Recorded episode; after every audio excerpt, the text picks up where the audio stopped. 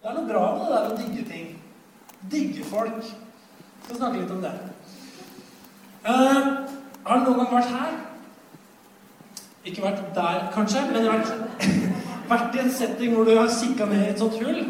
Etter at liksom det der sekkeapparatet har gått ned, så ligger en kiste på bånn. Du har vært i begravelse.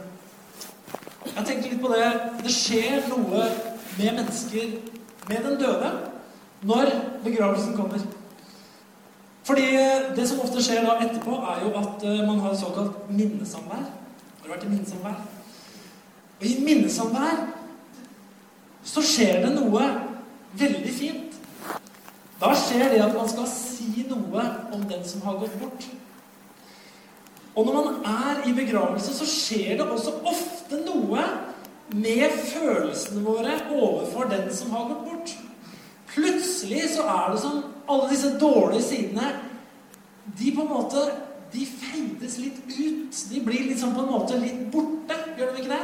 Og så er det at du husker plutselig så godt liksom den episoden der den personen gjorde det og det, eller hvor god vedkommende egentlig var når han var god, osv. Ikke sant? Og så er det akkurat som dette her som har vært litt, kanskje litt kronglete og noen dårlige sider og sånn. Det blir på en måte litt sånn i bakgrunnen. Det blir litt borte. Har du vært med på det? Jeg fikk, eh, jeg fikk eh, For en liten stund siden så var jeg i minnesamvær. Jeg var til en, en, mann som jeg må si var en venn av meg, som jeg var glad i. Som mange av dere vet om meg, som heter Rolf Auke. Han var eh, evangelist. En stor evangelist på alle måter. Han gikk bort for noen uker siden. Og jeg var i minnesamværet hans, og denne uka her så kom nyhetsbrevet Doxa, som han har gitt ut i mange, mange, mange mange år. Det kom, og der sto det da bilde av han på forsida. Når han sto og smilte og hadde et skikkelig godt øyeblikk. Du kunne se på hele ansiktet hans. Og så sto det 49 år i tjeneste. Da reflekterte jeg litt over det. 49 år i tjeneste for Gud. Det er ikke, det er ikke dårlig, det, altså. Det er ganske bra. Og det er liksom 49 år på strak arm. altså Han var ikke korttidsengasjert han et par måneder hvor han tok på seg oppgave. Han er sånn 49 år i tjeneste og vært evangelist. Jeg lærte å kjenne Rolf Auke for ganske mange år siden da jeg drev med bibelskole. Han var, han var kommet der og var gjestelærer, og han var Den hellige ånd. Og jeg fant en tone der, og det var veldig, var veldig moro å bli kjent med han. Og så vet jeg at han hadde sine høydepunkter i livet. Han hadde sine øyeblikk hvor, hvor, livet var tøffere å leve. Og vet du hva, det er det jo for alle. Livet er jo ikke et langt høydepunkt, ikke sant? Men når han har gått bort og Jeg så på alle bildene. Han har vært der, han har vært der, han har vært der. Og jeg var i dette minnesomværet Jeg fikk høre om mennesker fra mange mange, mange, mange steder som fortalte hva han hadde betydd. Jeg traff en fra Bergen, et ektepar fra Bergen, eller utenfor Bergen, hvor han hadde hatt eh, møtekampanje en gang på 80-tallet. Og hvor, hør nå 140 mennesker ble frelst. Hallo! 140 mennesker ble frelst i den bygda her et eller annet sted utenfor Bergen. Og det var jo liksom det som ble menighet der ute, som har fostra nye generasjoner osv. Det er ganske fantastisk. Kanskje det var liksom høydepunktet på en måte her hjemme. Men så er det noe av det vi sitter igjen med, og så sier vi det der må vi ære. Det der, det er noe å legge merke til. Eh, og så tenker jeg noen ganger at det er ofte litt sånn egentlig er det litt sånn tragisk at folk Nå snakker jeg ikke spesifikt om han, men generelt at noen ganger så må folk dø før vi begynner å sette skikkelig pris på det. Vi må liksom gå bort, vi må være begravelsen deres før vi faktisk kan la de der litt dårlige sidene fake bort. Og vi kan se ja, men du, han var jo fantastisk bra på det her, og hun var jo veldig god på det her. ikke sant? Og så legger vi veldig merke til det. Etter hvert som tida går, vi skal fortelle historien videre til neste generasjon. Hvem var bestefar? Hvem var bestemor? Hvem var oldefar? Så forteller vi jo ikke om all elendigheten. Vi forteller om det gode. I noen tilfeller så kan det ha vært veldig vanskelig, selvfølgelig, jeg sier ikke det, men normalt sett sånn, så er det det at det, det, er det gode som sitter igjen. Det dårlige det har en tendens til å bli mer i bakgrunnen, det feider bort. Det har vi noe å lære av. Eh, jeg tror veldig ofte vi, vi, ser etter eh, komplette mennesker, både hos andre og oss sjøl, at vi liksom skal være komplette, fullkomne på en måte, på alle områder av livet vårt. Nå er det juletider, det er Facebook-tider, ikke sant? Og folk legger gjerne ut av hvor komplette de er som mennesker. Vi gjorde det i går på tull. Vi bakte jo pepperkaker i går. Eh, og vi hadde pepperkakebaking, og det var sånn der eh, pepperkaker der vi hadde kjøpt på Meny. da, 19 kroner for en kilo. Skikkelig, skikkelig dårlig. ikke sant? Tar det ikke fra bånn engang. Ikke sant? Men vi, vi bakte pepperkaker i hvert fall. Og så tok vi, tok vi bilde, da, de som var på besøk, oss, tok bilde og skulle legge ut på Facebook. Så sa vi skriv nå at endelig ferdig med alle sju, slaga. ikke sant? Alle gaver. Kun juletre igjen. ikke sant? La oss legge ut det og se hva som skjer. Og det var bare tøys, selvfølgelig. Vi har ikke gjort noen ting. Det er det første vi gjorde som hadde med jul å gjøre. Ikke noe jeg kjøpt inn, ingenting. Og så, så la vi ut det. Og så så vi liksom sånn, noen likes og sånn. da. Nå tror de at vi har gjort dette her. Så, så sitter de og føler seg skikkelig dårlig. Det er bare bak to slag. ikke sant? Har ikke kjøpt inn alle gavene. Vi heller har ikke gjort det, altså. Men bare ferdiglagde pepperkaker fra Meny. Det, det er dit vi har kommet, liksom. Jeg syns jo sånt er ja, for å si det sånn. Eh, vi la ut etterpå at vi bare tulla, da. Eh, det jeg digger med jul, er julebord. Og så syns jeg det er utrolig gøy at ungene har en fantastisk juletid. Det, det er veldig, veldig gøy. Eh, men saken er den at Facebook har blitt en sånn reklamekanal hvor folk legger ut så Jeg har sett alle de der pakkekalenderbildene som kommer ut om dagen. Ikke sant? De flotte bilder. Jeg syns det er fantastisk at folk gjør det, da. Men du skal ikke få dårlig samvittighet om du ikke har gjort det. Om du har kjøpt ferdig, ferdigkledde ungene på Meny, så feel free, altså. Bare kom til meg, så skal jeg støtte deg. Dagens vers det er henta fra 1. Korinterbrev 12. For jeg tenker at eh, det fins et bilde i Bibelen om hvordan Guds rike kommer. Guds rike kommer gjennom eh, menigheten. Guds rike kommer gjennom oss. Guds rike kommer gjennom at vi får lov å være de vi er, og at vi får lov å fungere og det, det, jeg leser, har du sikkert hørt mange ganger før, men la oss reflektere litt over det. Først går inn til brev, så står det i uh, dette kapittel 12 og vers 14-22 Kroppen består ikke av én kroppsdel, men av mange. Og når foten sier 'fordi jeg ikke er hånd, så hører jeg ikke med til kroppen', så er det like fullt en del av den. Om øret sier 'fordi jeg ikke er øye, så hører jeg ikke med til kroppen', så er det like fullt en del av den. Hvis hele kroppen var øye, se for deg det, kjære venner, hvis hele kroppen var øye, hvor ble det av hørselen? Hvis det hele var hørsel, hvor ble det av luktesansen? Men nå har Gud gitt hvert enkelt lem sin plass på kroppen slik han ville det. Men var hele kroppen én kroppsdel, hvor ble det da av kroppen?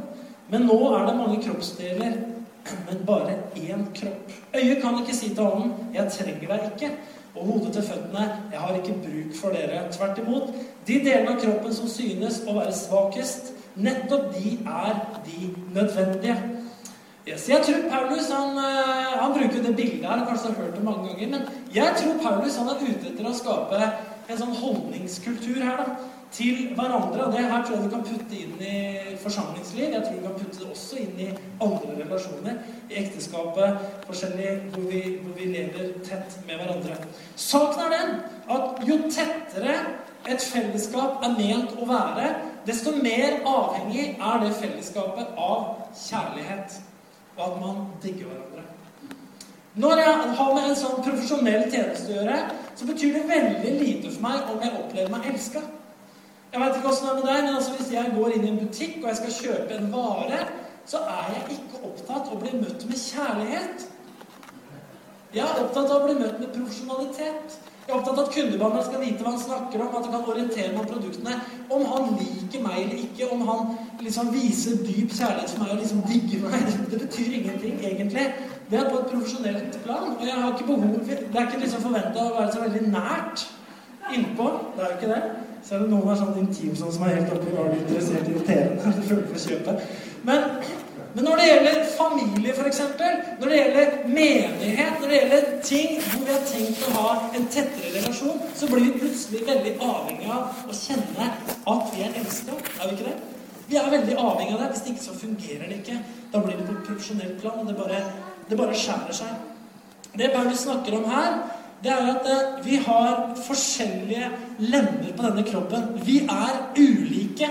Det han sier, er at noen vil si 'Jeg hører ikke hjemme her', fordi det er noen her som er annerledes enn meg. Jeg hører ikke hjemme her, for det er noen som er annerledes enn meg. Han sier også om alle var like, øye, f.eks., så er spørsmålet hvor ble det av de andre perspektivene?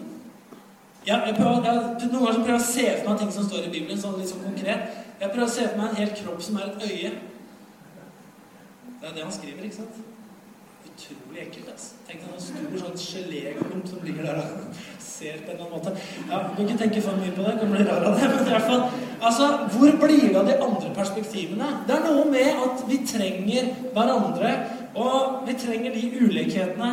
Jeg er veldig glad for at det fins folk i den forsamlingen her som gjerne tar en diskusjon om ting. Som gjerne har andre meninger om ting, som gjerne har andre perspektiver på ting. Det gjør at helheten blir mye bedre. Om det hadde vært sånn at ingen diskuterte noen ting, ingen hadde forskjellige funksjoner, ingen hadde ulike meninger, ingen hadde ulike styrker, så tror jeg det hadde blitt rimelig platt. Det hadde blitt som en kropp, et stort bein som lå på bakken, og hadde egentlig ikke kunnet gjort noen ting. Gud har skapt folk forskjellig, sier Paulus. Han har gitt oss forskjellige egenskaper, han har gitt oss forskjellig plass, og han har plassert oss sånn. Og Paulus sier det at dere får ikke lov å si at dere ikke trenger hverandre. Dere får ikke lov å si at dere ikke trenger de forskjellige egenskapene som ulike mennesker har. Dere trenger å sette pris på, dere trenger rett og slett å digge at det fins folk som er annerledes enn dere sjøl. Er du med? Jeg vil sammenligne folk litt med biler. Jeg har hatt veldig mange biler, nemlig. Og det, jeg har hatt, jeg tror jeg har hatt 17 biler. Uh, så, ja, han har kjørt bil i mange år, da. Men uh, jeg, tror jeg, tror hatt 17 biler ca. Og jeg har hatt noen utrolig billige biler. Jeg har hatt flest av dem. det jeg tenker meg. Eh, og så har jeg hatt noen biler som har vært eh, ganske dyre, i hvert fall. Sånn eh, ganske nye og fine. Men saken er den at eh, det er noen biler da, som jeg kan tenke på fortsatt at det, det er litt sånn eh, høyt elsket, dypt savnet. Jeg skulle gjerne hatt dere videre. Og så er det noen biler som er mer sånn hvil i fred. Du er ikke savnet. Eh, og saken er den at Hvis jeg kan sammenligne folk litt med biler, da, så det er litt haltende det bildet, så er det enkelte biler som jeg, ble, som jeg liksom digga, som jeg likte veldig godt å ha. Og det var ikke de bilene som nødvendigvis var best og dyrest og finest. Rett og slett. Det var f.eks. for eksempel Jeg eh, jeg hadde en boble, husker jeg. En, eh, jeg skulle i militæret, og Faren min kjøpte en boble til meg, en oransje boble, husker jeg. 1967-modell, 68-modell, et eller annet sånt noe. Den var veldig fin boble, 1300. Eh, jeg husker jeg ville ha den litt tøffere, så jeg husker det at jeg, jeg tok og malte den eh, husker jeg, ute på gårdsplassen. Nabogutten på fem-seks år ble kjempeimponert. Jeg hadde tatt noe maling i kjelleren, så jeg mala den sølvgrå med kost, altså. Bare vanlig malekost. Eh, og den, og så skrev jeg Wagner ned på sida. Det er mellomnavnet mitt. jeg synes jeg var ganske kult med sorte bokstaver. Så jeg mala den bilen her og tok av støtfangerne. Og så var bakfjæringa på den bilen den var knekt, så den var veldig lav, husker jeg. Så den gikk litt sånn nedpå bak.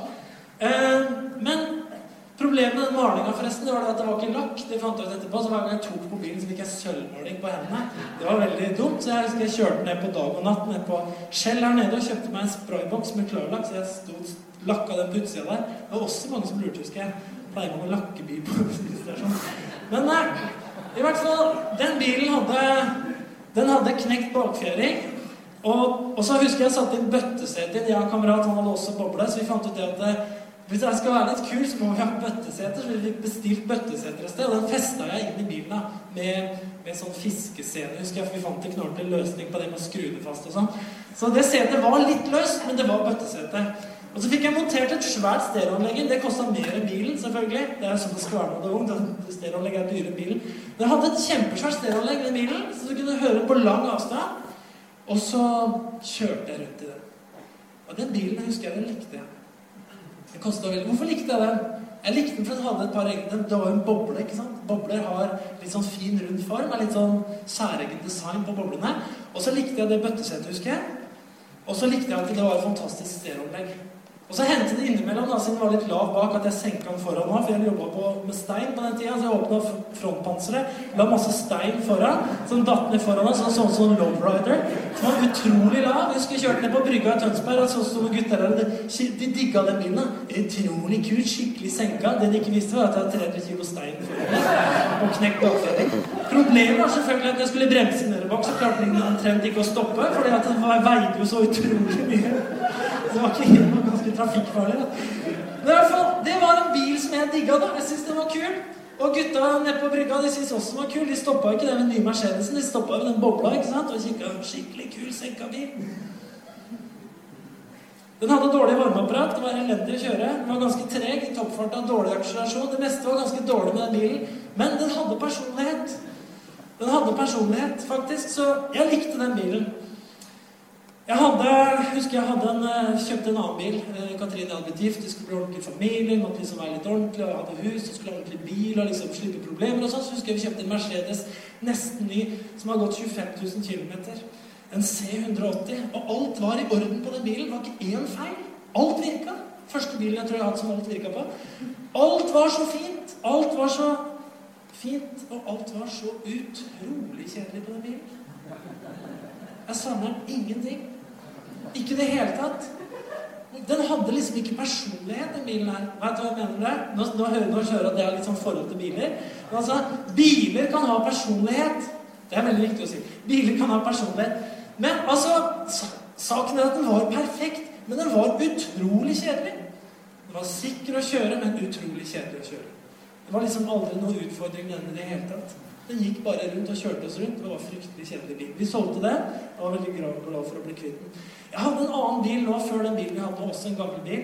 Det var en gammel BMW. Den var fra 1993. Det var utrolig mye gærent med den bilen. Det var masse lamper som blinka hele tida. Og vindusheiser som ikke virka. Og varmeapparat som ikke kunne gå på fullt. Det var jo det hele tatt mange problemer med klimaanlegget som lakk. Og jeg veit ikke hva som var gærent med den bilen. Men den hadde personlighet. Den hadde en svær motor. Det likte jeg. Så alt annet ble på en måte uviktig, for den hadde én egenskap som var veldig bra. Den hadde en veldig stor motor som la olje var slitt og alt mulig, men den var i hvert fall stor. Den gikk veldig bra. Den hadde personlighet, så den bilen, den likte jeg. Likte jeg faktisk veldig godt. Vi hadde Citroën, en gang. Det var helt forferdelig. Jeg kan ikke tenke meg å være bil. Kona mi klaga på den hver dag. Hadde ikke vært savna. Hadde liksom personlighet, men helt ødelagt. Alt var ødelagt da. Jeg hadde en Golf. Den var også heller ikke savna. Fryktelig kjedelig bil. Jeg hadde en Mercedes 200, eh, sånn ganske ny bil assosiasjonsvogn. Veldig fin, veldig kjedelig bil. Liksom ingen personlighet, ikke noe ekstra i det hele tatt. Viste meg ingenting, liksom. Jeg prøvde å senke den litt, men det hjalp ikke så mye. Det blei aldri noe drag på den bilen. Uten personlighet. Sabben den har gått inn. Den er veldig bra. Veldig god sete, veldig fin å kjøre. Litt senka i forhold til original, den der vanlige modellen, så den liker jeg kjempegodt. Men det er klart, selv om Suzuki Baleno er folkebilen i Norge, så ville jeg heller kjørt en gammel Alfa Romeo som gikk i stykker litt oftere. Hvorfor det? For den har litt personlighet. Hva er det du snakker om da, egentlig, Magnar? Jeg snakker om biler. Men det jeg snakker om, det er det at eh, noen ganger så er det ikke det perfekte som nødvendigvis er så attraktivt. Det er ikke nødvendigvis sånn at de det å være et perfekt menneske på alle mulige måter er så utrolig attraktivt. Og noen ganger så prøver vi å være litt sånn perfekte mennesker. Liksom, Alt skal fungere på meg. Alt skal være riktig. Alle liksom vindusheiser i livet mitt skal fungere. altså alt, liksom, Alle funksjoner skal være i orden på meg. Ingen feil, ingen mangler. Jeg er bare helt strøken, jeg. Men kanskje utrolig kjedelig. Hva er det du har fått i livet ditt som er litt unikt? Hva er det du har fått i livet ditt som Kanskje det er mye skrangling i livet ditt, kanskje en del ting som henger og slenger, men vet du hva? Det folk elsker oss for, det er ofte den ene greia som er litt unik med deg. For hallo, ingen av oss er fullkomne. Ingen av oss er perfekte. Vi er forskjellige mennesker. Og det vi kommer til å savne den dagen vi står i begravelsen til noen, så begynner vi å savne den egenskapen der. Den ene egenskapen. Ikke alt det som nødvendigvis var feil. Vi husker han hadde en del feil, men det var én ting med den bobla der, tross alt, som gjorde at det, det var digg å sette seg i den og kjøre. Det var én ting med det mennesket der som gjorde at det var digg å treffe han eller henne, selv om det kanskje var mange feil og mangler langs veien. Det er noe med at vi har fått litt forskjellige funksjoner. Vi har fått litt forskjellig utrustning. Og så er det noe med det at vi må sette litt pris på de ulikhetene. Og vi må også tørre, dere, å være Det er sånn floskel vi sier det, men det er jo sant. Må, man må tørre å være seg sjøl. Du kan ikke være noe mer enn det du er. Og hvis du tør å være deg sjøl, hvis du tør å satse litt på den der sterke sida der, så er det bra. Det er noe vi digger hos deg. Det er den derre sida som du har, som ingen andre har. Det er veldig, veldig bra. Forkynneren Salomo han skriver noe i, i Forkynnerens bok, i kapittel 7, og vers 16-17. Her skriver han et veldig artig vers. Han skriver Vær ikke altfor rettferdig. Og vis deg ikke for klok. Hvorfor vil du ødelegge deg selv? Vær ikke altfor urettferdig, og vær ikke en dåre. Hvorfor vil du dø før tid? Er det et rart vers? Vær ikke altfor rettferdig, og vis deg ikke for klok. Hvorfor vil du ødelegge deg selv? Vet du hva? Vi lever i et land som heter Norge, som ligger på nummer én. Eh, det har vi hørt litt på forskjellige steder i mediene. Vi er nummer én når det gjelder verdens beste land å bo i. Sånn velferdsmessig noe. Men Korsets Seier hadde en annen oversikt som de viste, en annen sånn indekssak som de viste her for et par uker siden, hvor de sa hvor det var lykkeindeksen. da. Vet ikke hvordan man måler det. Vi har sikkert greie på de som lager det. I hvert fall, Der lå Norge på 88. plass på lykkeindeksen. 88. plass på lykkeindeksen. Vet du hvem som var nummer én? Haiti. Ja? Move to Haiti. Go to Haiti. Altså, det er interessant eh, at, at, Haiti ligger på førsteplass og Norge på 88. Så eh, perfeksjonisme, å ha et samfunn hvor alt fungerer, er jo kjempebra. Men det skaper jo ikke nødvendigvis lykke. Det skaper nødvendigvis ikke lykkelige mennesker. Det skaper ikke miljøer nødvendigvis hvor det er fantastisk godt å være menneske. Mens på Haiti Jeg har ikke vært der. Jeg egentlig bare ser derfra hver påske når de driver og leker Jesus på korset. Eh, men du gjør sikkert andre ting òg, da, regner jeg med. gjør det. men i hvert fall Det er et land som ikke har det her i det hele tatt. Hva er det som gir oss lykke? Hva er det som gjør at vi blir lykkelige? Jo, det er jo noe med at vi får lov å ha litt space til å være dem vi er. Ikke sant? I samfunnet vårt så er det sånn at vi skal ha, vi skal ha det perfekte liv. Altså For ti år siden så var bedrifter for eksempel, mye mer ineffektive enn de er i dag. Bedriftsledere i dag de skryter jo stolt over at én ansatt i 2012 produserer like mye som tre ansatte produserte liksom i 1980. Man skal gjerne ha en aktiv, man skal ha en framgangsrik karriere på alle mulige måter. Særlig dere kvinner syns jeg er utsatt for et enda større press enn hos menn. Dere skal ha en framgangsrik karriere. Være den perfekte mor som har et strøkent hjem, der ikke klesvasken hoper seg opp, der hagen er vakker, der maten er hjemmelaget og sunn, og der man trener tre ganger i uka. Følger opp alle barna tre på tre aktiviteter hver uka samtidig har tid til venninner og kreativ utfoldelse og er en fantastisk hustruelskerinne. Det er ikke måte på hva man skal rekke i 2012. Er det ikke sånn? Og så kan vi få å bli sånne folk som skal ha alt. Vær ikke altfor rettferdig, vær ikke altfor klok. Hvorfor vil du ødelegge deg selv? Noen ganger så kan vi komme i en sånn stress, en sånn jag, at vi kan ødelegge oss sjøl. Og så sier han på andre siden ikke være så urettferdig og ikke være en dåre. Hvorfor vil du dø for tiden? Jeg tror det, det Salmen prøver å si noe om, da. det er det at uh, slapp av litt og lev der hvor du er. Du har fått noe unikt i livet ditt. Det er det Paulus skriver om. Du har noe unikt i livet ditt som er vel verdt å satse på. Og som er vel verdt å sette pris på for de som er rundt. Det digger vi. Yes, vi digger det her med deg. Det er kjempeviktig. Vi må lære oss tenker jeg, å legge merke til det gode hos hverandre før vi kommer i hverandres begravelse. Vi har fortsatt god tid. De fleste av oss. Vi kan alltid finne noe vi setter pris på hos de som er rundt oss. Det handler om at det perfekte er ikke alltid målet. Det perfekte må være at vi kan leve ut noe av det som Gud har gitt oss, som er unikt for oss. Henger du med? Et godt miljø skaper lykke. Hvorfor snakker Paulus om det her? For jeg tror at eh, jeg tror Det bildet vi hørt så mange ganger at vi kan bli litt sånn blinde for det er når arm får lov å være arm og bli satt pris på for det.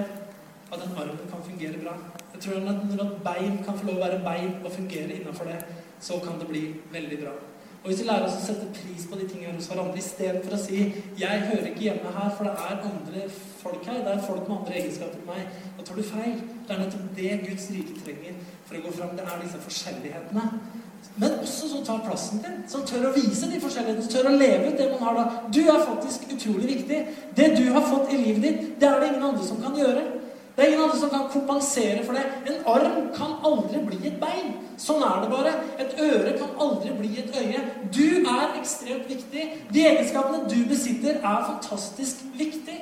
Jeg er glad for at noen tok initiativet til det her med å gi disse fantastiske gavene. Syns det er kjempebra.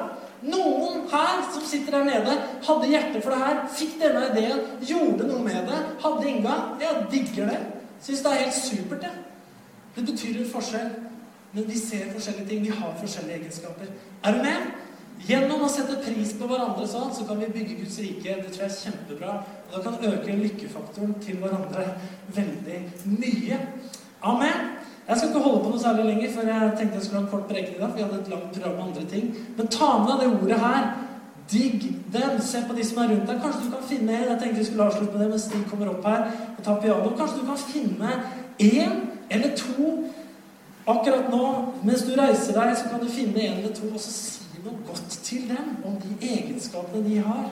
Så skal vi ta, gå inn, og så skal vi synge en sang. Kan du ikke gjøre det? Ta, ta Reis deg. Reis deg opp. Se om du ser noen rundt deg som har en fin egenskap. Noe du liker. Gi dem en liten oppmuntring. Jeg kan hjelpe deg hvor du skal begynne. Du kan begynne å si 'Det jeg liker med deg, er at' Det som er flott